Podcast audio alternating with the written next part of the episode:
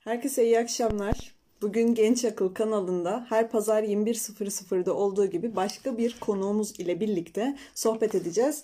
Konumuz ise İnşirah Suresi bir motivasyon kaynağı olarak e, gündemimizde olan İnşirah Suresi hakkında konuşacağız.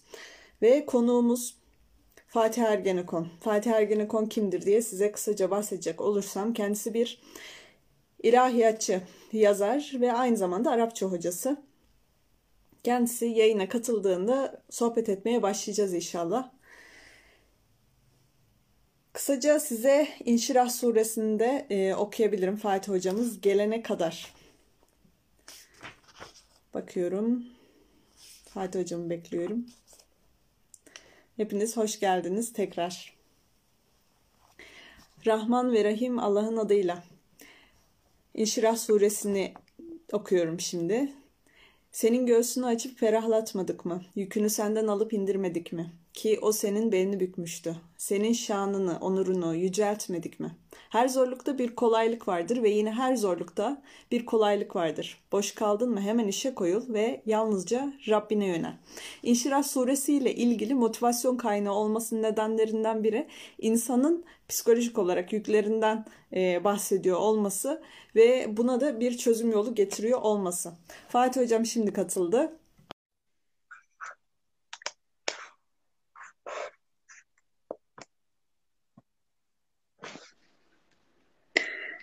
İyi akşamlar Fatih Hocam. Nasılsın? İyi akşamlar hocam. Hamdolsun. Sizler nasılsınız? Ben de iyiyim. Çok şükür sizi gördüm. Daha iyi oldum.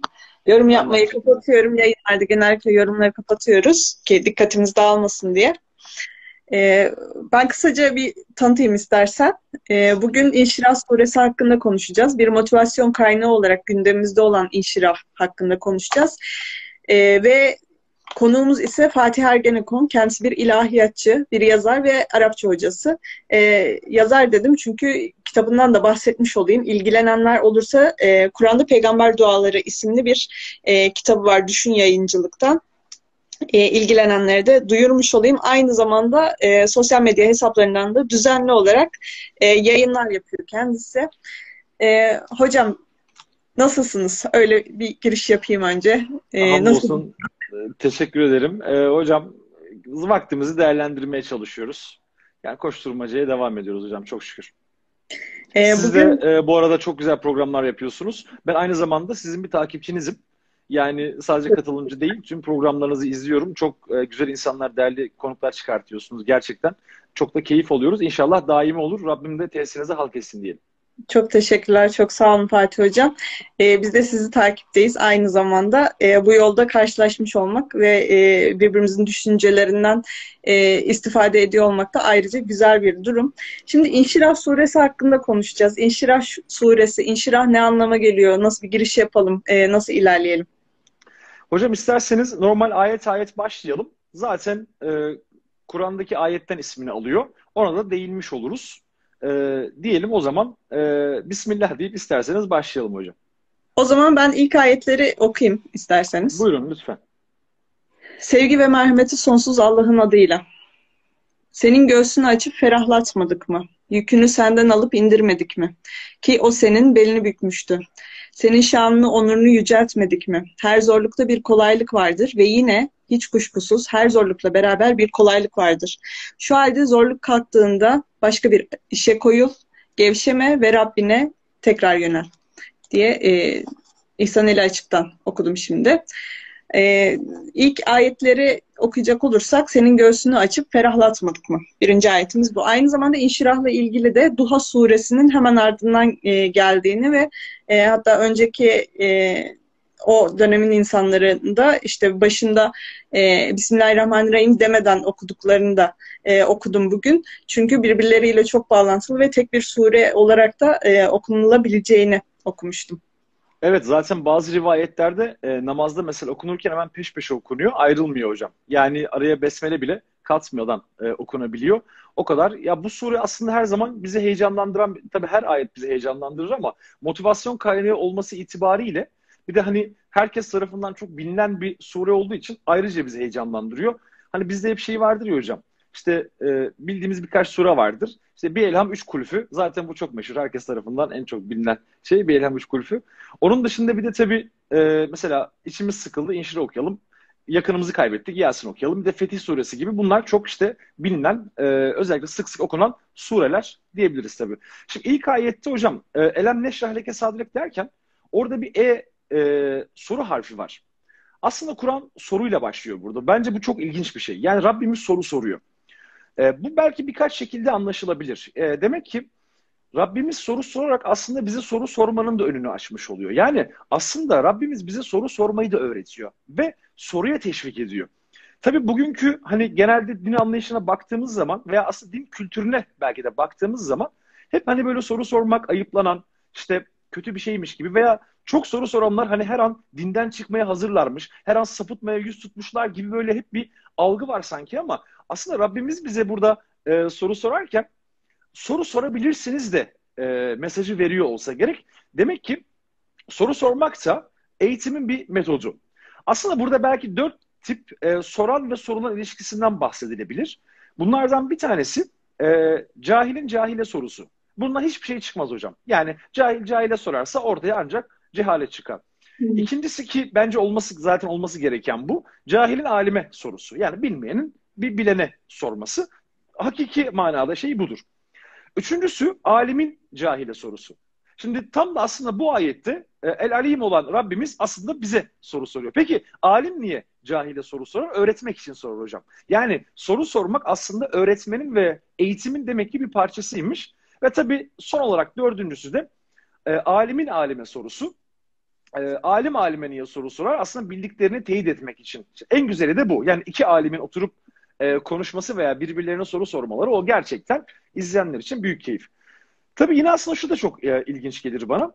Kur'an-ı Kerim'de yaklaşık 16 yerde hocam e, Yes'elûneke an diye başlayan ibareler var. Yani sana soruyorlar. Tam 16 yerde Kur'an-ı Kerim'de var. Mesela Yes'elûneke anil ehille. Sana ayın hallerinden soruyorlar. Yes'elûneke anil sa. Yani sana saatten yani kıyametin vaktinden soruyorlar gibi 16 yerde soru var. E, bu soruyu soranlar Müslümanlar değil. İşte bir kısmı ehli kitap veya bir kısmı bunların müşrikler. Demek ki e, kaliteli soru o kadar önemli ki hocam. Rabbimiz onların sorularını kendi kelamının içerisine taşımış. Ve biz onları okuyarak e, ibadet edebiliyoruz. Mesela namazımızın içine onu taşıyabiliyoruz. Yani aslında tamamıyla e, kaliteli sorunun önünü açmış oluyor Kur'an-ı Kerim bize. Ve e, soru sorma hakkımızı sonuna kadar kullanmamızı istiyor. Tabii burada başka bir şey daha var. Hani konuyu çok dağıtmak istemiyorum ama bakın e, sana soruyorlar diyor ve bu soruların cevabını Rabbimiz veriyor. Demek ki e, sevgili peygamberimiz de e, bunlara cevap vermiyor. Bilmiyor çünkü. Yani bunları bilmiyor ve o da vahiy bekliyor. Bu da aslında bilgi kaynağı olarak peygamberimizin sadece ve sadece bilgi kaynağı olarak Kur'an-ı Kerim'i e, aldığının bir delili olsa gerek diye de düşünüyorum. Yani e, kısaca soran ve soruyla böyle bir ilişki var. Ayete dönecek olursak hocam, e, soru olumlu gelmiş. Bu da bence ilginç. Mesela biz senin, e, affedersiniz olumsuz soru gelmiş. Elem neşrah lekasa. Biz senin göğsünü açmadık mı? Yani bir şeyi hatırlatıyor. Çünkü olumlu olarak da gelebilirdi soru. Yani e, ki böyle örnekler de var Kur'an-ı Kerim'de. Eraeyte ellezi yükezzibu biddin. Yani gördün mü? Eraeyte ellezi yükezzibu biddin. O dini yalanlayanı gördün mü? Bu sefer açmadık mı gibi. Bunlarda da böyle ince nüanslar var aslında, ayrıntılar var. Olumsuz gelerek aslında hocam hatırlatıyor. Yani burada vurgu yapıyor. Sanki şöyle hep düşünmüşümdür bunu. Peygamberimizin kalbi sanki hep Rabbimizle atıyor. Hep onu gündemine alıyor ve hep ona anıyor. Sanki her an onunla beraber de hani Rabbimiz de onu teyit ediyor. Biz senin zaten göğsünü açmadık mı diye e, düşünmüşümdür hep. Bir şey diyordunuz hocam. E, senin göğsünü açtık değil mi gibi değil de daha çok evet. vicdanı da harekete geçiren aynı zamanda insanın sorgulamasına da neden olan yani böyle değil miydi bak yani ne günlerimiz oldu gibi de bana anımsatıyor bu ayetin ne zaman evet. okusa. Yani geçmişine bir dön bak e, böyle miydi değil miydi olumsuzlamanın e, özellikle olması gerçekten çok e, manidar çok önemli. Zaten Kur'an'daki e, bütün ayetlerde kullanılan kelimeler incelikle seçilmiş kelimeler. Evet. Ee, tabii ikincisi e, şerh e, kelimesi var burada. Yani şerhte de e, tabii çok yanlış yorumlamalar da olmuş burada. Yani işte küçükken melekler geldi kalbini açtı. Süt annesinde kalırken vesaire. Hatta bazıları bunu delillendirmek için ameliyat izi falan bile olduğunu söylüyorlar. Tabii ki o konuya hiç girmiyoruz bile. Yani o çok e, çok basitçe bir şey olsa gerek. Zaten 5 yaşındaki 6 yaşındaki çocuğun kalbinde ne kötülük olabilir ki? Yani gelsin melekler onu temizlesinler. Ee, çocuktan bahsediyoruz. Yani masum yani bir e, masum bir çocuk henüz yükümlülük altına girilmemiş bile bir çocuktan bahsediyoruz. Kaldı ki zaten hocam Kur'an-ı Kerim'deki e, şerh kelimeleriyle sadr kelimeleri hep mecazi olarak kullanılır. E, şöyle diyeyim. Arapçada bir şey gerçek anlamda yarmak e, cerrah fiiliyle ifade ediliyor. Yarmak demek. Hatta o yüzden bize doktorlara cerrah deniyor. Yaran anlamında. O işi yapan anlamında. E, şeddelenerek okunuyor. Mesela hammal gibi, kassap gibi, bakkal gibi. Yani o işi gerçekten ifa eden kişi. Biz buna e, isim fail, mübalağa isim fail diyoruz. Burada cerrahlık bir şey yok. Yani herhangi bir böyle bir tıbbi bir operasyondan ziyade elbette ki e, Allah Resulü'nün e, göğsünden yani manevi anlamdaki bir e, şerhten. Ya zaten manevi anlamdaki bir şerh diyorum. O kadar normalleşmiş ki artık. Çünkü şerh manevi anlamda olur zaten. Yani maddi anlamdaki bir şerhten elbette ki bahsetmiyor diyebiliriz. E tabi sadr ifadesi var burada. Göğüs ifadesi var hocam. E, göğüs dendiği zaman da zaten yine manevi olarak anlaşılır. Mesela göğsüm çok daraldı deriz. Yani göğsümüz çok daraldı dediğimiz zaman da böyle bir basınç makinesi gelip böyle içimizi falan bastırmaz. Göğsün daralmasından tamamen orada kastımız nedir? İşte e, manevi anlamdaki sıkışıklıklar. Zaten e, Elmalı gibi birçok böyle alimde bunları söylemişler. Dikus sadr, işte göğsün daralması, e, sıkışması ya da vus'us sadr denir. Yani ve vasi, geniş anlamında göğsün genişlemesi anlamında da böyle kullanımlar var. Aynı zamanda e, bu ayetlerin yüzyıllar boyunca bütün insanlığa hitap edebilmesi için de ameliyatlık bir durumunda olmaması gerekiyor ki e, çünkü ben ameliyat olmadım mesela. Göğsümü ne zaman ferahlat Allah diye düşünebiliyor olmam gerekiyor. Yani öyle mi değil mi diye düşünebilmem için de e, peygamberin ameliyatlık bir durumu e, olmadığını da okuyabiliriz bu şekilde. Bence harika oldu bu. Çünkü e, Kur'an-ı Kerim tarihsel değildir diyoruz. Yani mutlaka bize bugüne şimdi ve burada ya hatta yarına da bir şeyler söylemesi gerekiyor. O yüzden ayetleri sadece o güne hasretmek aslında ayetin anlamını da bir e, anlamda öldürmeye kadar gitmiş olur diye düşünüyorum. Çünkü oraya gömdüğünüz zaman bugüne sanki hiçbir şey söylemiyormuş gibi bir anlamda çıkabilir. Evet çok doğru. Peki bir sonraki ayette e, şimdi e, belini büken yükünü hafifletmedik Hocam mi? oraya girmeden şunu da çok kısa vurgulamak isterim. Mesela sadr ifadesini niye manevi olarak söylüyorum? Mesela Kur'an-ı Kerim'de diğer kullanımlar da var. Hatta Musa peygamberin duasını hatırlayabiliriz. Hani şey diyor diyor hocam. Rabbiş rahli sadri ve yessirli. Emri vahlul ukdate min lisani yefkahu kavli. Yani Rabbiş rahli sadri. Rabbim diyor sadrıma yani benim göğsüme genişlik ver anlamında da kullanıyor. Yine mesela bu da delil olarak alınabilir. E, hatta çok meşhur bir duadır o biliyorsunuz. Genelde hatta programlardan önce de okunur böyle içten e, katılanlar da okurlar o. Hem dilimdeki düğümü çöz hem göğsüme ferahlık, genişlik var. Hatta hocam çok okuduğumuz mesela Nas suresinde de öyledir. E, Fi sudurin nas mesela orada yine Kur'an. Yani göğüslerde olanlar diye de kullanır. O yüzden göğüs e, ifadesinin böyle bir e, kullanımı var. Bir de burada leke diye bir ibare var. Senin için yani sana. Çünkü hocam bazen her sevincin sonu sevinçle bitmeyebiliyor e, bazen çok e, yani şöyle diyelim aslında refah içinde olduğumuz felah içinde olduğumuz anlamına gelmiyor. Refah ile felahı birbirine ne karıştırmamak gerekir. Yani bence burada bu ikisini de ayırmak gerekiyor. Çünkü e, refah içerisinde yaşıyor olmamız mutlaka işin sonunda felah olduğu anlamına gelmez. Ben buradaki lekeyi yani senin için ibaresini Rabbimizin garantisiymiş gibi görüyorum. Yani bu garantiyi veren Rabbimiz leke yani senin için. Tamamen senin için. Yani benim için değil. Bu iş tamamen senin menfaatine diye de anlıyorum. Bu şekilde e, düşünüyorum. Buyurun hocam ikinci ayet demiştiniz tam ben orada girdim araya. E, ikinci ayette de belini büken yükünü hafifletmedik mi? Burada da tekrar bir soru daha geliyor ve e, tekrar aynı yapıda yani olumsuzlamayla birlikte. Buradaki e, belimizi büken yük nedir? Yani çeviri doğru mu bu arada? Yani bir insanın belini büken e, şeyler neler olabilir? Ayet neyi kastediyor? Evet hocam zor sorular. Şimdi hemen başlayalım. Mesela ve veda'ne e, anla kullanılmış e, aldık. Anke senden aldık. Neyi aldık? Viz, e, vizrak. Yani o yükünü anlamında kullanıyoruz. Hatta bu vızır kelimesini ben Türkçe'ye şey gibi düşünüyorum. E, vız gelir tırıs gider diye çevirmişler ya hocam. Muhtemelen o kelimenin şeyini de buradan alıyoruz. Şimdi işte diğer ayette açıyor bunu. Ellezi öyle bir yük ki bu. Enkada zahrak. Bu ankada fiili Türkçe enkaz diye girmiş hocam. Datları hep Z diye çeviririz biz genelde. Ya öyle bir geleneğimiz olmuş bizim. Bildiğimiz enkaz hocam bu. Ya öyle bir enkaz ki Zahrak senin sırtını resmen böyle enkaza çeviren bir e, vizirden bahsediyor. Yani yükten bahsetmiş oluyor Rabbimiz. E, şimdi tabii bunu da maddi olarak anlayanlar olmuş ama kalkıp da elbette ki bunu yani peygamberimiz yük taşıyordu. İşte bilmem e, beli sakatlanmış. Elbette ki bel fıtığıyla ilgili bir şey değil bu. Şimdi burada yükle alakalı olarak e, çok fazla hocam yine yorumlar olmuş ama şöyle bir bakalım. Şimdi bunlardan bir tanesi surenin inmiş olduğu dönemi de eğer düşünecek olursak yani e, o yılla düşünecek olursak bir tanesi şu olabilir. Risaletten önce gerçekten e, Allah Resulü'nün bir e, içine çekilme hali vardı. Özellikle Hira yani arayış mağarasındaydı ve orada e, tefekküre dalıyordu. Bu çok ilginç gelmiştir her zaman hocam. Yani öyle bir şey var ki hocam düşünün e, eşinden ayrılıyor ve Ramazan ayının en az 20 gününü mağarada geçiriyor. Yani bugün bunu bir insan yapsa, şimdi normal bir ilişki düşünelim.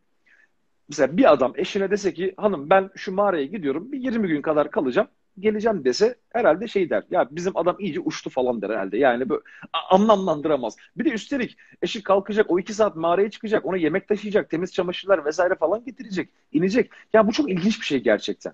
Ya bugün bu, bunu yapan adama deli falan derler herhalde diye düşünüyorum. Ya ne işin var mağarada falan. Şimdi ne yapıyorsun tek başına? Demek ki dertli hocam. Yani gerçekten büyük var içerisinde. Dertlenmiş ama kendi şahsi dertleriyle dertlenmemiş. Haksızlıklar görüyor, zulümler görüyor. E, gücün e, sözünün yükseldiğini görüyor. Sözün gücünün hiçbir değeri yok. Ya elinde güç olan zayıfı eziyor. Ya düşüne bir tekme daha atıyorlar. Böyle toplumsal bir yapı var hocam. Yani şimdi Kabe'nin etrafını düşünelim. Ee, tamam içerisinde tavaf ediyorlar ama hocam arka caddeleri Kabe'nin fuhuş yuvası.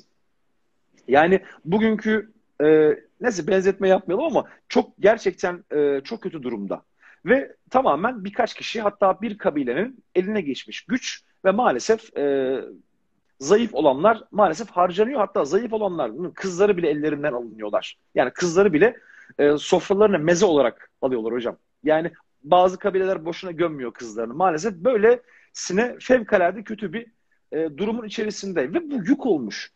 Çünkü Allah Resulü ümmi hocam. Yani annesinden doğduğu gibi. Biliyorsunuz Arapçada üm anne demek. Mesela Ümmü Gülsüm dediğimiz zaman Gülsüm'ün annesi anlamına gelir. E, ümmi yani hala fıtratını, e, zihnini bulandırmamış. Yani şirk gibi veya kötü şeylerle kendi tabiatını bozmamış bir insan ve e, peygamberimiz naif de bir insan hocam. Çok hassas yani çok ince. Ya öylesine hassas ki bazen e, karşısındaki insanı kırmamak için, incitmemek için mesela kötü demiyor. Güzel olmayan diyor. evet. Çirkin demiyor, hoş olmayan diyor. Yani böyle zıttıyla tanımlıyor. Hatta birisinden bazen bir şey isteyeceğiz zaman soruyla, sorarak e, emir kipi kullanmıyor hocam mesela. Ya şunu bir gidip getir demiyor. Yani bunu bir getirir misiniz? Veya istek kipi kullanıyor. Ya şunu bir getirseniz gibi. Böylesine naif de bir insan ve bunlardan etkileniyor. Dolayısıyla bir yük var hocam. Yani risaletten önceki toplumda ki o maalesef olan durumları gerçekten e, öyle bir hale gelmiş ki iki büklüm olmuş. Demek ki hocam şunu da anlıyorum ben. E, her kambur olan veya her e, beli ikiye bükülen insan demek ki sadece kendi yükünü değil bazen başkalarının da yükünü taşımış oluyor. Yani manevi yükler de gerçekten insanın sırtını iki büklüm hale sokabiliyor diye düşünüyorum. Bu ayet ne zaman okusam aklıma Beled suresi de geliyor. Orada da bir sarp yokuştan bahsediyor ya Rabbimiz. Evet. Yani e, orada mesela bazı sorumluluklar var insanın arınabilmesi için yapması gereken şeyler ve aynı zamanda da vicdanın da söylediği e, hakikatlerden bahsediyor Beled suresinde. İşte açlık gününde doyurmaktan, bir yetimi, yetimi sahiplenmekten, e, yola düşmüş ya da sokakta yaşayan insanların e, onlara destek olmaktan e, yani salatı yerine getirebilmek için ne gerek gerekiyorsa bunlardan bahsediyor Beled suresinde. Bu belini büken yük e, bana hep onu hatırlatıyor ve aynı zamanda önceki ayette de göğsünü ferahlatmadık mı? Evet böyle bir zorlu durum vardı. Bu zorlu duruma karşı senin neler yapman gerektiğini e, sana biz öğrettik ve süreç boyunca da biz seninle birlikteydik gibi de okuyorum. Yani burada toplumsal meselelere karşı aynı zamanda insanın iç dünyasıyla ilgili sorduğu sorular. Yani bunu her kim yapıyorsa aslında inşirah ona inmiş oluyor. Çünkü o sırada e, belini büken bir yükü sırtlanmış oluyor. Yani evet keyif çatabilir insan, e, umursamayabilir, e, yalnızca kendini düşünebilir. Yani Muhammed Peygamber e, yalnızca kendi ailesini de korumaya çalışabilirdi. O zaman biz mesela bu ayetlerle belki de hiç e, buluşamayacaktık. Yani bireysel yaşayabilirdi değil mi? Bencilce yani sadece kendisini, ailesini para kazanmayı falan da düşünebilir dediğiniz gibi yani evet. Yani burada direkt aslında şu ana hitap eden bir e, öğüt de var. E, biz birilerinin e, de yükünü omuzlanmalıyız ya da toplumsal meselelerdeki sorunları da omuzlanabilmeliyiz ki e, bir şeyler değişebilsin. Bunun da değişeceği zaman zaten devamında da görüyoruz. Allah bir yöntem söylüyor. Aynı zamanda yükü de hafiflettiğinin e, sözünü biz zaten geçmiş tecrübelerimizden de daima e, görüyoruz, öğreniyoruz. Ki hocam e, çok güzel bir yere temas ettiniz. Zaten o yükü nasıl hafifletmiş olabilir? Yani bunu düşünüldüğü zaman hemen aklıma şey gelir benim. E, Fevece'deki dallen feheze. O seni delalette yani aslında yolunu şaşırmış bulurken feheze seni hidayete e, erdirmedi mi? Yani aslında biliyorsunuz Kur'an'ın da bir sıfatlarından e, birisi hidayettir hocam. Yani aslında Rabbimiz Kur'an ile ona ne yapması gerektiğini de göstermiş oluyor. Çünkü bazen şey de çok büyük bir sıkıntıdır. Yani sorunları tespit edebilirsiniz, sorunları görebilirsiniz ama bazen insan ne yapacağını ya da nereden başlayacağını bilemeyebilir. Yani bir türlü harekete geçeme. O hareket noktasını kestiremez hocam. O yolu çizmek çok zor bir şeydir bazen. Ee, tam da işte Kur'an Evet tam da Kur'an işte burada imdada koşuyor hocam. Yani tam o sırada sosyal şeyler var ya hocam. Sosyal hadiseler. işte öyle ferahlıyor hocam insan. Hani e, hakimin müstedrekinde bir hadis geçiyor e, çok sevdiğim hadislerdendir benim. E, diyor ki orada peygamberimiz siz diyor Allah'ın derdini dert edinirseniz Allah da sizin özel dertlerinizi satın alır diyor. Yani aslında bir nevi e, reçete sunuyor gibi geliyor bana. Yani çünkü hep bireysel düşündüğümüz zaman yani faturalarım, elektrik faturam, su faturam şunu alabildim mi, şunu alamadım, şu kıyafeti çok beğendim, şu işte arabaya bayılıyorum, şu eve de ikinci bir yazlık. Hocam bitmiyor, bitmiyor, bitmiyor. Gerçekten bunun telaşesi bitmiyor hocam ve öyle bir şey ki bunlara daldıkça dalıyoruz, daldıkça dalıyoruz. Bir bakmışız hocam tamamen böyle dünyevi ilişkimin içerisinde kaybolup gitmişiz. Yani düşünsenize 50 yaşına ve 60 yaşına kadar, 65 yaşına kadar emekli olmuş bir adamı mesela ele alalım. Kadın da olabilir elbette. Hocam geçmişine bir dönüp bakıyor. Hadi 15 yaşına kadarkini saymasın. Hadi 18 yaşına kadarkini saymasın. Yaklaşık hocam 40 yıl, 45 yıl veya 50 yıl bir bakıyorsunuz hocam. İşte nasıl geçti bir ömür? İşte ikinci bir e, yazdı alabildik mi? Veya kendimize bir ev alabildik mi? Kredilerimizi bitirebildik işte. Hocam bir bakıyorsunuz israf edilmiş, çerçöp olmuş bir ömürle karşılaşıyoruz yani. Yazık yani yazık. Dönüp bakın ne yaptım 60 yıl? Ne biriktirebildim? Ev biriktirdim, araba biriktirdim vesaire. Kaç insan biriktirdim? Kaç ayetle tanıştım? Veya falanca yerleri İtalya'yı gördüm işte Roma'ya kadar gittik. Oradan işte falan yere gittik. Bir yere uçtuk. Kur'an'dan acaba kaç ayetle tanıştım? Evet şehirlerle tanışabildim ama acaba kaç tane de ayetle tanışabildim? Yani kaç veya kaç insan ayetiyle tanışabildim? Ben acaba Allah'ın bir insan ayeti olup başka insanların hayatlarına nüzul olabildim mi? Yani Rabbimizin o yardım eli, Rabbimizin o e, vesilesiyle bir insanlara dokunabildim mi diye değil mi? Yani aslında bunlar hep e, o yükleri de hafifletmenin bence bir e, reçetesi olsa gerek diye düşünüyorum hocam yani.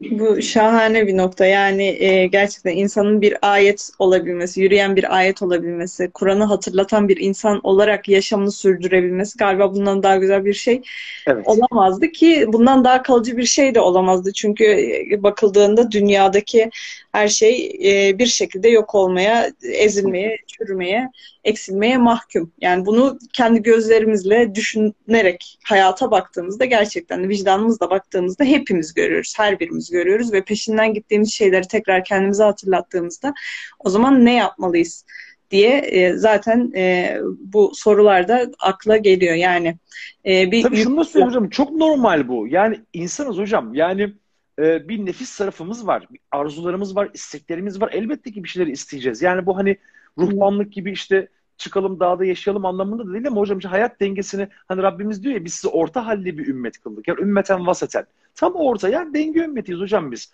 Elbette ki kendimizi kapatmayacağız. Bazı şeyler elbette ki mahrum da kalmamak gerekiyor ama her şeyde şimdi ve burada dünyada istemek de sanki biraz cennetten pay çal, çalıp sanki orada bazı haklarımızı hemen burada şimdi kullanıp sanki tüketecekmişiz gibi de gelebiliyor. E, Allah korusun diyelim yani. Allah korusun kesinlikle öyle. Peki buradaki ayetleri, e, kelimeleri incelemeye devam eder mi Fatih Hocam? Bir sonraki ayete mi Hemen geçelim? ben şunu söyleyeyim hocam. Bu ilk yükü ben Risalet öncesi olarak düşünüyorum. İkinci bir yük de var. Ya hocam biliyorum vaktimiz az. Hemen hızlı hızlı o yüzden anlatabildiğim kadar hocam. Yani bildiklerimiz ne kadar, kadar dökelim istiyorum. Estağfurullah. Hocam ikinci yükü de şöyle düşünüyorum. Şimdi şu da çok ağır bir şey. Şimdi tamam Risaletten önce böyle bir şey vardı. Risalet geldi. Bu gerçekten e, bence peygamberimizin beklediği bir şey asla değildi. Hatta belki Rabbimiz hocam Rabbimiz peygamberimize bunu teklif etseydi kabul etmeyebilirdi diye düşünüyorum. Neden? Hocam Risalet bir geliyor. Sizi çok seven herkes, sizi parmakla gösteren insanlar, sizi elemin diyen insanlar bir anda sizi düşman kesilmeye başlıyorlar. Önce sizi takmıyorlar hocam. İlk yaptıkları şey sizi takmamak. Sizi görmezden geliyorlar. İkincisine bakıyorlar ki yavaş yavaş böyle etki e, oluşmaya başlayınca ikinci aşamaya geçip sizi alay etmeye başlıyorlar.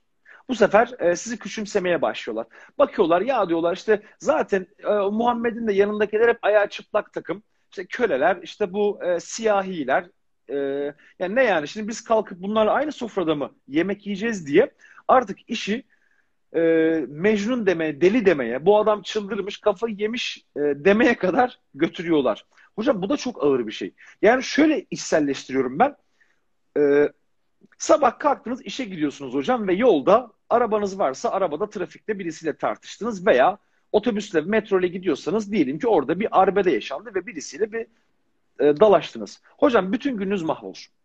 Akşama kadar kafanızda bunu kurarsanız da kurarsanız şöyle ol. Bütün onun stresini insan yaşayabiliyor. Ya da çok basit bir şey ya. Normal bir arkadaşınızla hocam bir konuda anlaşamadınız ve diyelim ki ağzınızdan karşılıklı olarak birbirinizi kıracak bir takım sözler çıktığını varsayalım. Allah o gece uyuyamazsınız da uyuyamazsınız. Hatta çok takdirse rüyanıza kadar hocam rüyada bile birileriyle tartışır kavga edersiniz. Bakın çok basit bir şey verdim size. Ya oysa ki ne olacak değil mi? Trafikteki adamı bir daha görmeyeceksiniz. Veya metrodaki adamın ya da kadını bir daha muhtemelen karşılaşma ihtimaliniz yok. 20 milyonda bir İstanbul'daysanız. Ee, yani çok basit çok basit bir şey hocam. Nasıl dert edinebiliyoruz değil mi? Şöyle düşünelim hocam. Sevdiğimiz, değer verdiğimiz akrabalarımızdan itibaren başlayarak hocam bir şehrin komple bize düşman olduğunu, yüzümüze tükürmelere kadar e, işin vardığını, yetmeyip işte kapılara kadar sabahları kalkıp tuvaletlerini kapılara kadar yaptıklarını varsaydığımızda hakaretler, alaylar, küfürler yani e, isim çıkartmalar, adını çıkartmalar. Ya hocam Medine'de bile peygamberimizin eşinin hakkında şununla şöyle yapmış, böyle yapmış ifk hadisesini biliyoruz. Düşünsenize hocam Medine'de en devletsiniz artık. Yani devletin lideri olmanıza rağmen azınlık değilsiniz. Buna rağmen eşinizle alakalı hocam sağda solda işte şöyle namussuzlu, böyle namussuzluk yapmış diye şeyler çıkartıyorlar. Bunlar çok ağır e, ithamlar. Çok ağır yükler yani. Orada yani e, peygamberimiz duruşuna bakar mısınız? Neredeyse 40 gün bekliyor hocam. Vahyin gelmesini bekliyor. 40 gün vahyin gelmesini bekliyor. Çok ağır bir durum. Ya bunları yaşamak da çok ağır. Yani ikinci anlamda ben yük olarak da şunu düşünmüşümdür. Risaletten sonra da insanların tavır almaları ve en son artık hocam neyiniz varsa yani neye say eviniz, e, bineğiniz ya şimdikiyle düşünecek olursak hocam evin, arabanın, e, kıyafetleriniz, dolabınıza kadar bir kadın olarak düşünün hocam bunu. Bütün kıyafet dolabınızı şeyde bırakıyorsunuz. Yani olduğunuz yerde bırakıp ve kaçarak gitmek zorunda kalıyorsunuz. Bu da çok ağır bir yüktü. Yani kaldırılması çok zor bir şey. Olarak ikinci yük olarak da hocam ben bunu düşünüyorum. Üçüncü olarak da belki şu olabilir. Hızlıca onu da bitireyim.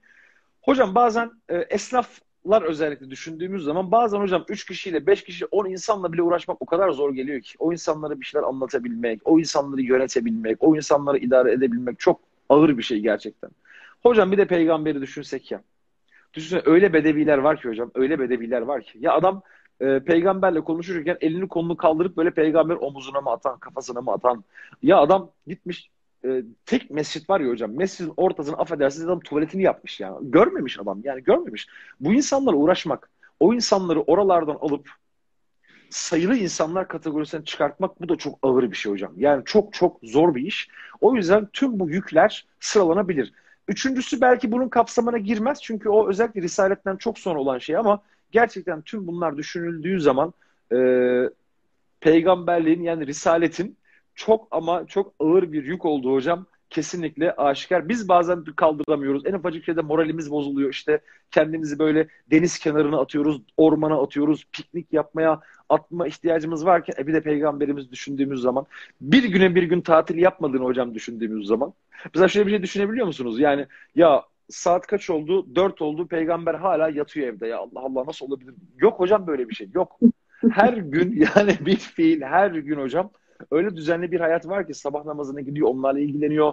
Başka misafirler geliyorsa misafir hocam bir gün tatil yapmadan, bir gün doyasıya uyumadan, hatta bir gün karnını tıka basa doldurmadan yaşayan adanmış bir peygamberden bahsediyor. E, biraz da yükü olsun hocam yani evet diye düşünüyorum onu da.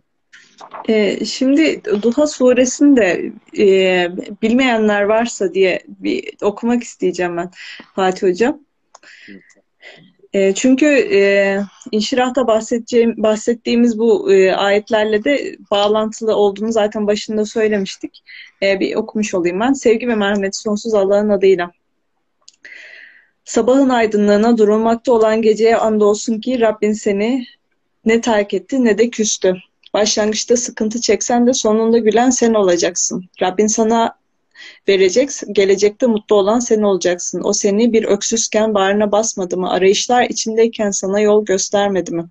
Zor zamanda sana arka çıkmadı mı? Şu halde öksüze kahretme, isteyeni azarlama, Rabbinin nimetini an ve bıkmadan, usanmadan anlat. Burada da e, az önce bahsettiğin e, şeyi anlatıyor ayette Fatih Hocam. E, yani Rabbinin nimetini durmadan, usanmadan anlat. Bu da bir yöntem aslında. Allah bana bir şeyler verdi. Ben bir zorluk yaşıyordum. Yolu bilmiyordum. Yolumu kaybetmiştim, kaybolmuştum, karanlıktaydım e, ve benim için doğru olanın ne olduğunu bilmiyordum. O sırada Allah e, beni gerçeklerle karşılaştırdı ve bu gerçeklerin de insanlara ulaşmasını istiyor Allah. Yani e, yalnızca kendine Müslüman diye bir şey aslında İslam İslam'da yer almıyor. Kendine Müslüman bizim kültürümüzün uydurduğu bir şey. Kur'an'a baktığımızda o İslam'ın e, etrafımızdaki insanlara, diğer insanlara ulaşabiliyor olması gerekiyor. Yani elimizde bildiğimiz, gerçek olarak bildiğimiz şey e, küçücük de bir şey olsa onu aktarmakla sorumluyuz. Muhammed Peygamber gibi çok büyük bir sorumluluğu var. Bunu bütün insanlar yine aktarma gayretiyle hareket ediyor ve bunu da en çok yine bahsettiğin üzere e, kendi yaşamından e, bize gösteriyor. Yani kanıtları da var elimizde. Sadece söylemiyor böyle yapın, böyle yapınız gibi vaazlar da vermiyor. E, onu aynı zamanda yaşayarak da örnek alınması gereken bir hayatı e, göz önüne e, sermiş oluyor. İnşallah biz de bu dönemin örnek alınacak insanları haline geliriz diyerek e, dua ediyorum. Hocam e, o aslında hani en son okuduğunuz ayet vardı ya anlat ayeti hocam. Hep onu şöyle de düşünmüşümdür ben. Hidayete uğradığım hidayet bir nimettir. Rabbimizin verdiği bir nimet. Hidayet nimetinin şükrü hocam ancak tebliğ olur. Hidayetin şükrü tebliğdir hocam. Madem ki biz hidayete erdiğimiz, hidayeti istiyoruz, talep ediyoruz ve e, bunu bir nimet olarak görüyorsak hidayetin şükrünü ancak tebliğ ederek e, yerine getirmiş olabiliriz. Yani çok şükür diyerek o olmuyor. Nasıl ki hocam aklın şükrü tefekkür ise yani Rabbimiz bize akıl gibi bir nimet verdi ve biz bu nimetin şükrünü eda etmek istiyorsak, tefekkür edeceksek, nasıl ki kalbin şükrü e, muhabbet ise, eğer bir kalbe sahipsek, onun ancak şükrünü muhabbet ile e, gerçekleştirebiliyorsak gerçekten hidayetin şükrü ancak tebliğ oluyor ki bence hocam bu bir hayat e, tarzı. Yani hayatın sabitelerinden hocam bu. Yani bu kesinlikle hayatın sabitelerinden olsa gerek. Hatta çok ilginçtir hocam. Ee, mesela Yusuf suresini hatırlayalım. Siz onun da tefsirini yapıyorsunuz. Çok güzel. Onu, onu da ders izlemiştim. Yine Rana Hoca ile beraber izlemiştim. İki Rana Hoca'yı da izlemiştim. Ee, mesela orada Yusuf çok ilginç bir şey var hocam. Yusuf hani hapishane arkadaşlarına e, rüyalarını anlatacaktı ya hocam. Hani diyordu ya iki kardeşten bir tanesi ya biz senin normal bir adam olmadığını tahmin ediyoruz. Çünkü sen hareketlerinle, tavırlarınla normal biri değil misin gibi bize geliyor. Bunu gösteriyorsun. Ben bir rüya gördüm. Bu rüyayı bana yorumlar mısın diye sorduğunda Yusuf peygamber onlara dönüp tamam diyor. Ben şimdi senin rüyanı yorumlayıp deyip Orada Rabbimizi anlatmaya başlıyor önce onlara. Ondan başka ilah olmadığını anlatıp işte Rabbimizin özelliklerinden ben sadece ona kulluk ederim gibi başlıyor, başlıyor, başlıyor ve ondan sonra adamın rüyasını anlatıyor. Hocam o kadar ince bir tebliğ metodu var ki orada. Neden? Çünkü adam rüyasını çok merak etmiş ve bütün dikkatini, bütün konsantrasyon ve zihnini Yusuf peygambere celbetmiş. o da o zamanı beklemiş. Yani doğru zamanı beklemiş. Bakın hiç rüyaya kadar Yusuf peygamber gelin ben size bir öğüt vereyim. Bak ben şöyle bir Allah'a inanıyorum dememiş. Beklemiş, beklemiş, beklemiş ve en son ikisinin de en konsantre olduğu anda başlamış hocam hemen orada tebliğ etmeye. Çünkü onların o an her şeyden soyutlanıp tüm dikkatleriyle kendilerinin merak duygusu olduğu için kendilerini dinlediklerini biliyor. Bakın başka bir peygamber hocam. Yani aslında bu tebliğ tüm rasullerin ortak olmazsa olmaz tabii ki vizyonu hocam. Misyonu ve vizyonu. Dolayısıyla mesela orada da onu, İbrahim peygamberde de onu görüyoruz. Mesela İbrahim peygamber e, baltayla e, kırdığı zaman hocam putları çağırıyorlar ya huzura. Şimdi herkes merak ediyor. Yani şimdi eğer o huzura kalkıp gitse dese ki hepiniz beni dinleyin Allah'tan başka ilah yoktur dese ya kimiz ilgilenecek ve ilgilenmeyecek. Sen mi kırdın bunları diye diye sordukları zaman bakın yine öyle bir anı bekliyor ki hocam tebliğ için. Orada başlıyor işte anlatıp söylemeye. Yani tüm peygamberlerin aslında e, tebliğ misyonu burada bence çok önemli diyebilirim. E, inanın diğer peygamberlerin hayatlarını da kurcaladığımız zaman buna benzer şeyleri göreceğiz. Tıpkı hani dersin başına şey dedik ki hocam mağaraya dayı hani bir yük var diye hocam sırtında. Yani İbrahim peygamberin tefekkür etmesi işte Yunus peygamberin balığın karnındaki belki geçirdiği zaman diye anlatılan belki de metafor yani e, gerçek olmasa da olur.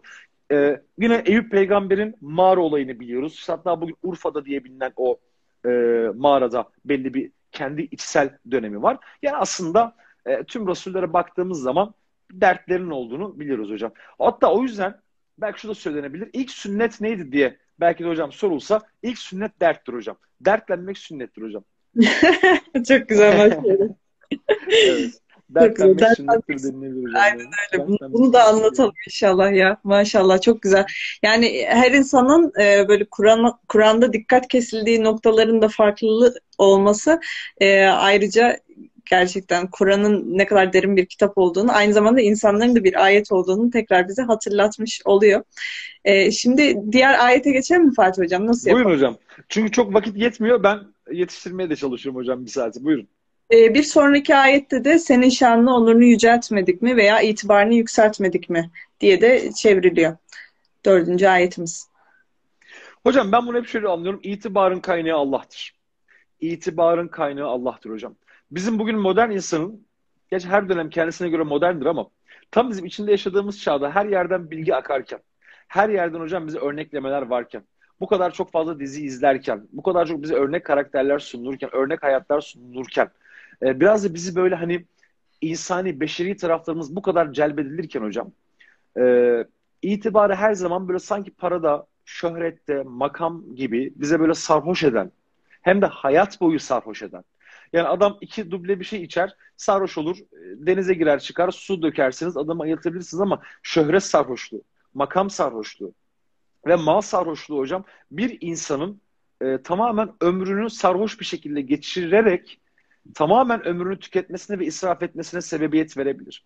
O yüzden hocam itibarın gerçek kaynağı Allah'tır. Eğer Rabbimiz katında bir değerimiz varsa değerliyiz. Yoksa hocam insanların hepsi bize e, itibar firavun olsak ne olacak? Yani tüm insanlık bize tapsa, bizi haşa kella, bizi yani bizi Rab olarak addetseler, sen işte Rabsın, sen öldürürsün, sen yedirirsin, sen içirirsin, sen istersen bağışlarsın, istersen öldürürsün deseler ne olacak ki yani? Yaşayacağımız hocam topu topu şurada ne kadarlık bir ömür? Ortalama bir insan ömrü 83 yıl olarak alsak. Hadi bir 20 yılda çok sağlıklı yaşadığımızı işte böyle şeyden olarak 100 yıl yaşasak ne olacak hocam?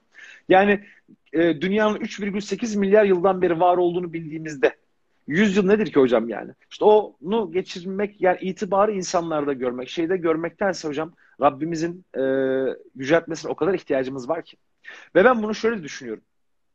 İşte her şeyde işte Hazreti Muhammed sallallahu aleyhi ve sellem o şöyleydi, böyleydi, şöyle yaptı, böyle yaptı, şöyle uçuyordu. İşte hani böyle naatlar yazılır hocam peygambere. Ya arkadaşım peygamberin bizim onu övmesine ihtiyacı yok ki. Onun zaten Allah katındaki durumu belli. Eğer ahirette onun beni övülebilecekse onun beni övmeme ihtiyacım var. Rabbimizin bizi övmemize ihtiyacımız var. Yani bizim peygamberi övmemiz veya haşa işte o dönemde peygamberi yermeleri zaten bu ayette genelde hep o anlaşılır ya hocam. O insanların onu gömmeye çalışmaları ne olacak? Rabbimiz isterse onu gömmeye çalışanlara karşı İsra gibi bir hadise yapar hocam. Onlar seni gömmeye çalıştı. İşte ben de seni böylesine yükseltiyorum. Böylesine e, bir gece yürüyüşü yaptırıyorum sana diyebilir yani. İşte önemli olan itibarın kaynağı olarak e, tamamen Rabbe adanmak herhalde Rab olsa gerek. Tabi burada zikirle de alakalı çok şey söyleniyor hocam. Yani işte anma, şey yapma. Hatta genelde Kevser suresinde öyle söylenir ya. İşte müşriklerin genelde e, sevgili peygamberimizle alay ettiklerini işte soyu kesik erkek çocuğu olmuyor, soyu devam etmeyecek gibi. İşte böyle dünyevi şeyler aradık. Her ne kadar o ayet onlarla çok ilgili de olmasa diyelim. Belki hocam onu başka bir derse saklasak da en azından şimdilik böyle doğru olduğunu da varsaymış olsak bile e, önemli olan hocam Rabbimizin yüceltmesi e, desek şimdilik yeter herhalde. Tabi burada hocam şunu da söyleyelim. Ezanları da çok katmışlar. Yani bak işte onlar seni hep alaya aldılar, hafife aldılar. Yetmedi öldürmeye çalıştılar. Yetmedi sıcak savaş yaptılar. Bu da yetmedi. Münafıklar vardı işlerinde. Yani başarılı olmak için her yolu dönerler. Bu 6-7 yaşama var. Bu yolları denediler ama işte bak e, dünyanın birçok yerinde e, Rabbimiz e, seni öylesine yüceltti ki işte her yerde e, eşhedü enne Muhammeden Resulullah. Yani şüphesiz ki Muhammed onun e, kuludur. E, veya ben onun onun kulu olduğuna şahitlik ediyorum diye de böyle bir yüceltmeden bahsedilir. Genelde de böyle de anlaşılmış diyelim hocam.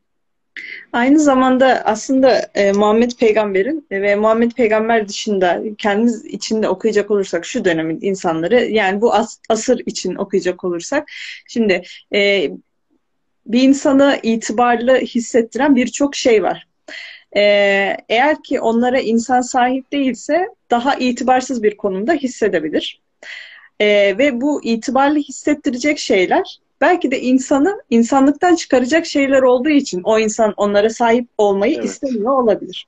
Ancak burada Rabbimiz şunu öğretiyor. Senin itibarını biz yükselttik, yücelttik ve o itibarın ne olduğunu da zaten kelimenin e, içeriğini de biz sana öğrettik diyor. Yani itibarlı olabilmek adına dünya üzerinde yaptığımız şeyleri düşündüğümüzde yani e, genel bir insanlık tablosu çizdiğimizde insanlar daha e, belki bilinir, daha e, değerli hissedebilmek için e, neler yapıyor diye baktığımızda, kişisel hırslara baktığımızda, hadi diyelim ki dünyada en çok ismini andığımız isimlere baktığımızda kişilere baktığımızda bu kişilerin her biri de e, insanlığa güzel şeyler getirmemiş. Hatta kan getirmişler, gözyaşı, acı getirmişler. Sırf daha çok bilinir olabilmek adına yapmışlar bunu.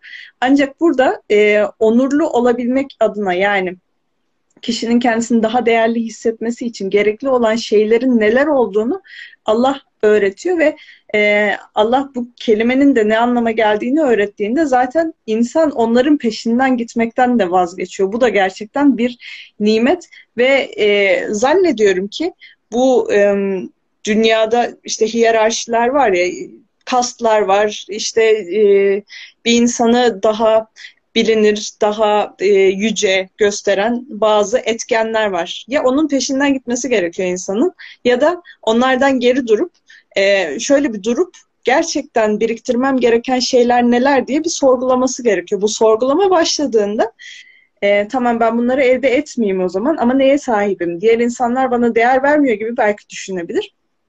Ancak bu da işte e, diğerlerinin seni nitelendirmesinin bir önemi yok diyerek Allah bir özgürlüğe kavuşturuyor insanı. Yani bu da Muhammed Peygamber'in sorgulamaları önceki ayetlerde gelen işte e, bilgilere baktığımızda bir insanın e, bireysel anlamda nasıl özgür olabileceğini Rabbimizin öğrettiğini biz e, görüyoruz ve bu yüzden de gerçekten de itibarın, onurun, e, şanın kaynağı Allah ve e, bütün sahip olduklarımızla da en çok yüceltmemiz gerekenin Allah olduğunu biz bir kere daha öğrendiğimizde, e, insanın ölen bir varlık olduğunu biz yine öğrendiğimizde, e, bütün övgülere layık olanın Allah olduğunu bildiğimizde gerçekten de özgürleşmiş oluyoruz. Çok şükür diyelim o zaman bu ayetlerle karşılaşabildiğimiz için çok şükür. Elhamdülillah. Hocam kul olabildiğimiz kadar özgürüz, kul olabildiğimiz kadar değerliyiz. Ee, hani demiştik ki evet peygamberimizin bir derdi vardı e, ve o derdine Rabbimiz derman oluyor. Yani vahiy ile beraber bir reçete sunuyor aslında burada. E, şunu da düşünebiliriz.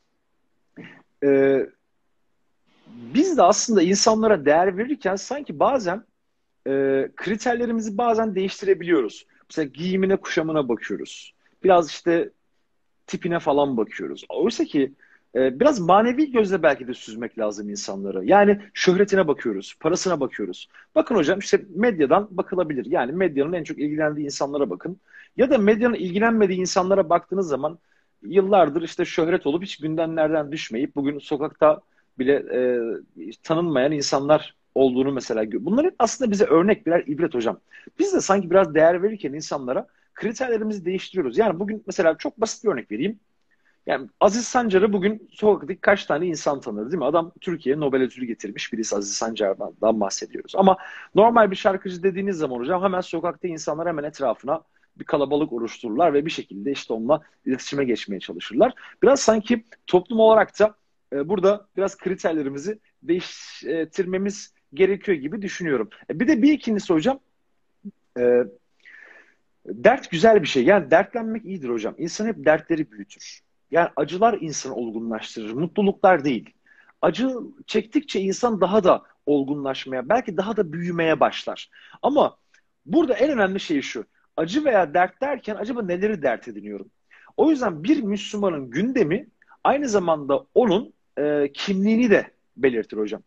Yani dertlerim kadar aslında e, biraz da sanki Müslümanım gibi geliyor. Yani neleri dert ettiğimle ilgili biraz sanki Müslümanlığımın kalitesi, kulluğumun kalitesi. Yani her zaman sıradan şeylerimi dert ediyorum. Yoksa gerçekten az önce bahsettiğimiz Rabbimizin derdi dediğimiz. Yani onun acaba e, onunla dertlenebiliyor muyum? Ve hep şu çok ilginç gelmiştir. Hani müminler Allah'ın dostudur. Allah da müminlerin dostudur der Kur'an-ı Kerim. Veli olarak karşılıklı bir dostane ilişkiden bahseder. E şöyle düşünelim. Şimdi ibadetlerimizi yapıyoruz. E peki ibadetler benim Rabbim olan dostluğumun göstergesi mi? Hayır o kulluğumun göstergesi. Onun kul olduğum için yapıyorum. Peki dostluğumun göstergesi ne olacak? Nasıl dost olabilirim Rabbime? Elbette ki onunla beraber onun derdini dertlenerek. Yani onun yardım eli olarak aslında bunu yapmış olurum. Ben vesile olabilmeliyim. Yani ben aday olabilmeliyim aslında Rabbime ki onunla dostane bir e, ilişkim olmuş olsun. O yüzden hocam dertler e, kimliklerimizi oluşturuyor ve şöyle bitireyim onu da. Satranç oynadığımızı düşünelim. E, bir, önce satranç tahtasında olmam gerekiyor. Yani e, o tahta. İkincisi, acaba Rabbim beni burada nerede kullanıyor? Yani normal bir piyon muyum? herhangi bir piyon muyum? Tabii piyonu da küçümsemiyorum. Çünkü bazen şah yapabilmeniz için o piyonun orada olması gerekir. O da çok önemlidir. Yani piyonsuz da oyun kazanılmaz ama acaba piyon muyum? Yoksa at mıyım? Vezir miyim? Kale miyim? Yani neyim? O da çok önemli. Yani Rabbimizin aslında bizi biraz da nerede kullandığına, bizim de birazcık nelere aday olduğumuza da herhalde bakmamız gerekiyor diye düşünüyorum. Çok güzel. Ee, şimdi e, ayrıca not da alıyorum çünkü e, Kur'an şu anda hepimize indiği için e, benim de alacak ömrüm varmış. E, bir sonraki ayete geçelim o zaman. Yaklaşık bir 13 dakikamız kaldı Fatih Hocam. Evet hocam. e, her zorlukla beraber bir kolaylık vardır hiç kuşkusuz. Evet her zorlukla beraber bir kolaylık vardır. İki defa söylenen bir cümle. Burada e, ayetlerde farklı kelimeler mi kullanılıyor? Yani ikinci kez tekrarlandığında yeni bir kelime ekleniyor mu? Onu da merak ettim. Eyvallah hocam şöyle söyleyelim. Kur'an-ı Kerim'de tekrar yoktur diyebiliriz. Aslında her tekrar bir başka şeyin vurgusudur diyelim. Tabi bu çok uzun veya başka bir konu. Şimdi hocam burada dikkat çekilebilecek önemli şeylerden birisi şu. Çok kısaca şöyle bir dakikada bir konuyu açmak istiyorum. Arapçada el takısı dediğimiz bir olay var. Ee, bir ismi belirli yapan bir olay. İngilizce bilenler bunu the olarak düşünebilirler. Mesela pencil the pencil gibi. Ya da Arapça düşündüğümüz zaman bu el takısı kısmen Türkçede de vardır. Bu mesela el alem ne der dediğimiz zaman bir alem vardır bir de el vardır. El alem dediğimiz zaman belirli alem. Yani bizim kolu komşuyu söylemiş oluruz. Yani mahalleliyi kastetmiş oluruz. Ya da elveda deriz mesela.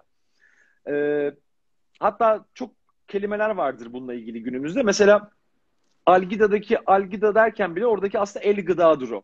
İspanyolca falan olduğu söylenir kelimenin. Yani böyle el, mesela el baraka gibi. Böyle Türkçe çok fazla geçen sayısız kelime var diyebiliriz.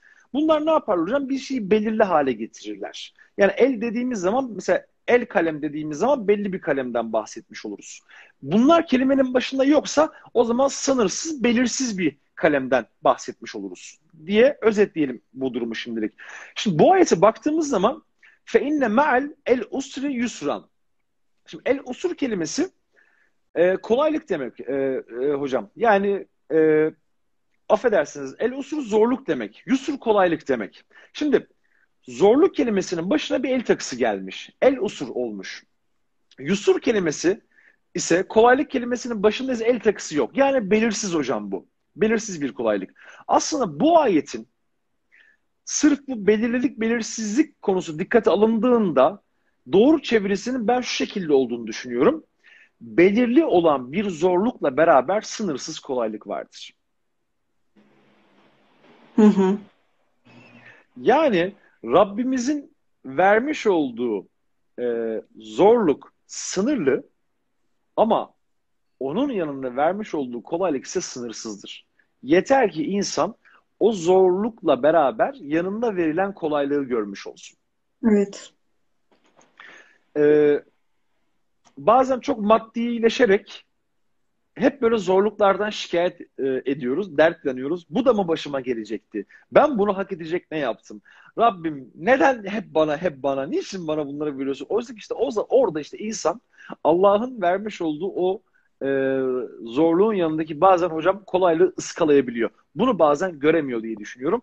O yüzden Rabbimizin e, sistemi şu şekilde işliyor. Evet, Rabbimiz bir takım zorluklar verir ama o zorlukların yanında öylesine kolaylıklar verir ki bunlar asla tartılamaz bile. Tam dediniz ya hocam, niye hemen ikinci ayet geliyor? Hemen bir kere daha geliyor. Bak bunu sakın unutma. Her zorlukla beraber hatta belirli olan, o ufak olan, belirli olan zorlukla beraber senin aklını aşan, zihin dünyanı aşan aslında sınırsız bunun yanında kolaylıklar vardır da demek.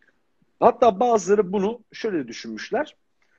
E, iki zorluk bir kolaylığı yenemez demişler. İşte burada iki zorluktan işte kastım yine elif lam takısı alıp almaması ile ilgili olarak işte peş peşe zikredilmesi olarak yani bir e, zorluk ve iki kolaylık olduğundan bahsedilmiş. Bununla ilgili çok rivayetler var. İşte Peygamberimiz bunu okuduğunda mescitten sevinerek çıktı. Yüzü çok parlıyordu işte bembeyaz çıktı sevincinden. İşte bu ona bir müjde gibi geldi diye ama vakitten dolayı hocam onları çok girmek istemiyorum. En azından sureyi bitirmiş olalım diye. Şimdi e, bu ayetin de bana düşündürdüğü şey şu oluyor. Ee, insan evet hayat boyunca e, çeşitli zorluklar yaşayacak. Yani bu kaçınılmaz bir şey. Hepimiz bu gerçeği biliyoruz zaten. Ee, ve özellikle hayata dair bir değer kazandırmak isteyen değerli olanı üretmek isteyen insanların zorlukla karşılaşma olasılığı çok daha yüksek. Çünkü çoğunlukla insanların yüzleşmek istemediği ve üstünde konuşmadığı şeyler hakkında bir şeyler üretmesi gerekiyor. Bu konuda büyük ihtimalle de yalnız kalacak zaten. Ki e, Allah'ın onunla e, Allah'ın tanıştıracağı e, dostlara gelene kadar. Şimdi e, baktığımızda evet zorluklar var. E, ama Allah burada bir bilgi veriyor aslında. Zorluklarla beraber çevrendeki kolaylıklara bak. Orada senin işini kolaylaştıracak kolaylıklara bak. Yani e, zaten başka bir ayetinde Allah yine söylüyor. Allah insana taşıyabileceğinden fazlasını vermediğini söylüyor. E, bu şekilde bakıldığında aslında insan neleri yapabileceğini düşünerek e, de e, hareket ettiğini düşünüyorum. Ya da Allah zaten bizim bilmediğimiz bir geleceği biliyor. Yani bizim için en iyi olanın ne olacağını, bizim neyi taşıyabileceğimizi Allah biliyor. Hatta bu bana şunu da düşündürüyor. Şimdi e, bizim e, kendi yaşamımızla ilgili bilmediğimiz bir döneme de sahibiz. Hangi dönem?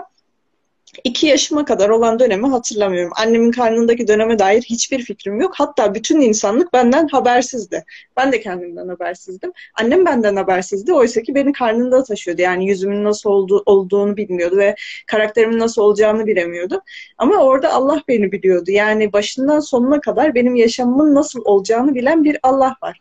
Karşılaştığım zorluklarda da e, kolaylıkların neler olabileceğini yine öğretecek bir Allah var. Çünkü kulunu hiçbir zaman yalnız bırakmayan bir Allah.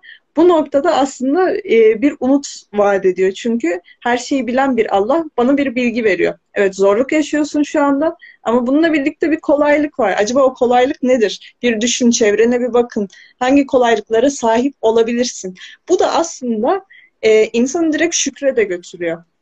Kolaylıklara bakarak çok şükür bu kolaylıklara sahibim ki bu zorluğu taşıyorum. Şimdi ben o zorluğu taşıdığımda ne oluyor peki? O zorluğu taşıdığımda aslında ben kul olma görevini yerine getiriyorum. Yani o zorluğu taşırken e, Allah için hareket etmiş oluyorum ve o zorluğu taşırken aynı zamanda ben güçleniyorum da. Yani insan olma görevini yerine getirirken güçleniyorum. İhtiyacım olan bir şey hayallerim var. Mücadele edebilmem için, bu hayalleri gerçekleştirebilmem için zorlukları yükleneceğim. Ama bununla birlikte Kesinlikle kolaylıkları görüyorum. Kolaylıklar da aynı zamanda Allah'a şükretmemi sağlıyor. Bu konuyla ilgili e, bir sonraki ayete geçelim istersen Fatih Hocam. Beş dakikamız kaldı. Tabii hocam sadece şunu söyleyeyim. O ümit meselesi çok önemliydi hocam. Ümidi kesmeme meselesi. Çünkü Allah'tan ancak müşrikler umudunu keser der Kur'an. Ve ikincisi o imtihana talip, zorluklara talip olmak dediniz ya hocam. Bazen insan zorluklara da talip olabilmeli. Doğru. Ee, sadece şunu diyeyim hani e, çok güzel bir ayettir o siz sizden öncekilerin başına gelenlerin sizin de başınıza gelmeden cennete girebileceğinizi mi zannediyorsunuz diyor ya Kur'an-ı Kerim. Hı. Bazen düşünmek lazım. Acaba başımıza bir şeyler geldi mi diye de herhalde muhasebe edebilmek gerekiyor. Hemen hocam son dakikalar diğer ayetlere geçelim. Tam da dediğiniz gibi.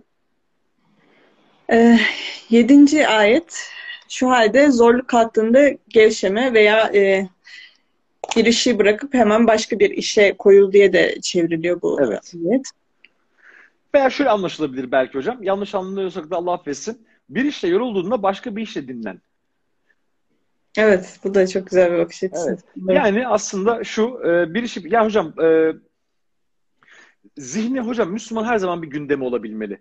En kötü hocam gündem yine gündemsizlikten iyidir. Yani mutlaka bir hedefi ve mutlaka bir gündemi olabilmeli diye düşünüyorum Müslümanın. O yüzden hemen boşta kaldığında hemen başka bir işle e, aslında yorulmamı. Mesela bunu ben hep üniversite yıllarında şöyle düşünürdüm. Eğer bir mesela hadis dersimiz varsa yorulduysam bir tefsir çalış. Tefsirden yorulduysa bir İslam tarihine dön. Yani mutlaka e, zihni başka bir şeyle boşalt veya başka bir dersle boşalt. En kötü bir e, kitap oku, başka bir kitap oku, başka bir şey yap. Yani bir şekilde ama e, boşta kalmamlı. Yani boşta kalmak. Bu Müslümana yakışmıyor hocam. Yani gerçekten Müslümanın boşta kalması, e, ya canım sıkılıyor demesi gerçekten bir Müslüman. Ya bir Müslüman canı nasıl sıkılabilir hocam? Yapacak o kadar çok iş o kadar çok yük var ki hocam Müslümanın sırtında. Yani acaba yarın ne yapsam? Ya bu çok kötü bir şey hocam. Yarın ne yapsam olur mu? Yani e, yapılacak o kadar çok şey var ki. O yüzden e, boşluk kabul etmiyor hocam. Zihin ve yürek asla boşluk kabul etmiyor. Zihni ve yüreği boşalttığımız zaman mutlaka orayı dolduracak hocam. Dışarıdan o kadar çok akım var ki. O kadar çok şey var ki hocam dışarıda. İşte ona onunla baş edemeyebiliyoruz işte bazen hayatta. Bunu da hocam böyle anlıyorum diyelim. Herhalde son ayete de gelelim. Çok az kaldı herhalde vaktimiz. Ve Rabbine yönel diyor. Evet. Ve ile evet Rabbike fergab. Aslında bunu sadece şöyle söyleyeyim. Arapçada emir e, daha doğrusu fiiller emirdir zaten. Emir e, fiiller de hep başta gelir hocam normalde. Yani normal şartlarda fiilin başa gelmesi gerekir. Eğer nesneyi başa koyduysa burada bir ince ayrıntı var demektir. Normalde bu şöyle gelebilirdi ayet. Fergab ile Rabbik diye de gelebilirdi. Ama makam fiilin önüne geçmiş. Ve ile Rabbike, Rabbine, Rabbine, sadece Rabbine demektir hocam bu. Buradaki sadece ibaresini biz e, Rabbin başa konmasından dolayı anlıyoruz. Şöyle söyleyeyim, tıpkı burada İyyâke na'budu'daki gibi. Normalde ayetin na'budu iyyâke gelmesi gerekir ama bu şu demek. Rabbim ben bazen sana yönelebilirim veya sana yönelemeyebilirim. Bazen kulluk edebilirim, hakkını verebilirim, hakkını verebilir, veremem. Ben acizim ama en azından şunu biliyorum. Sensin sen. Yalnızca yönelilmesi gereken sensin diye de anlaşılabilir diyelim hocam. Vaktimizde yani, yettiği kadar. Evet. Bir önceki ayetle birlikte okuduğumuzda hareket ederken de yine Rabbimiz adına hareket etmemiz gerekiyor ve evet. Rabbimizin verdiği hizmetleri hatırlayarak onun adına yine e, yani bir ayet olarak e, bir ayeti yaşayarak e, ilerlememiz gerektiğini söylüyor. E, çok teşekkür ediyorum Fatih Hocam. Yaklaşık bir dakikamız kaldı. Süreyi de güzel değerlendirdiğimizi düşünüyorum. E, inşallah başka bir sure ile seni tekrar davet etmeyi gerçekten çok... Estağfurullah hocam. İnşallah. Ne demek? Estağfurullah. Deriz seni. Ben teşekkür ediyorum. Dilimiz döndüğünce e, çok teşekkürler güzel yüreğiniz için. Davetiniz için de. Ben de teşekkür ediyorum. O zaman haftaya pazar günü 21.00'da Genç Akıl kanalında Yazgan Uğur ile e, sohbet edeceğiz. Geleneğin dinselleştirilmesi hakkında konuşacağız. İnşallah e, konuklarımızı o yayınımıza da bekleriz diyerek yayınımıza son veriyorum. Tekrar teşekkür ediyorum. E, Allah'a emanet olun. Hoşçakalın. Sizlerle selametle kalın.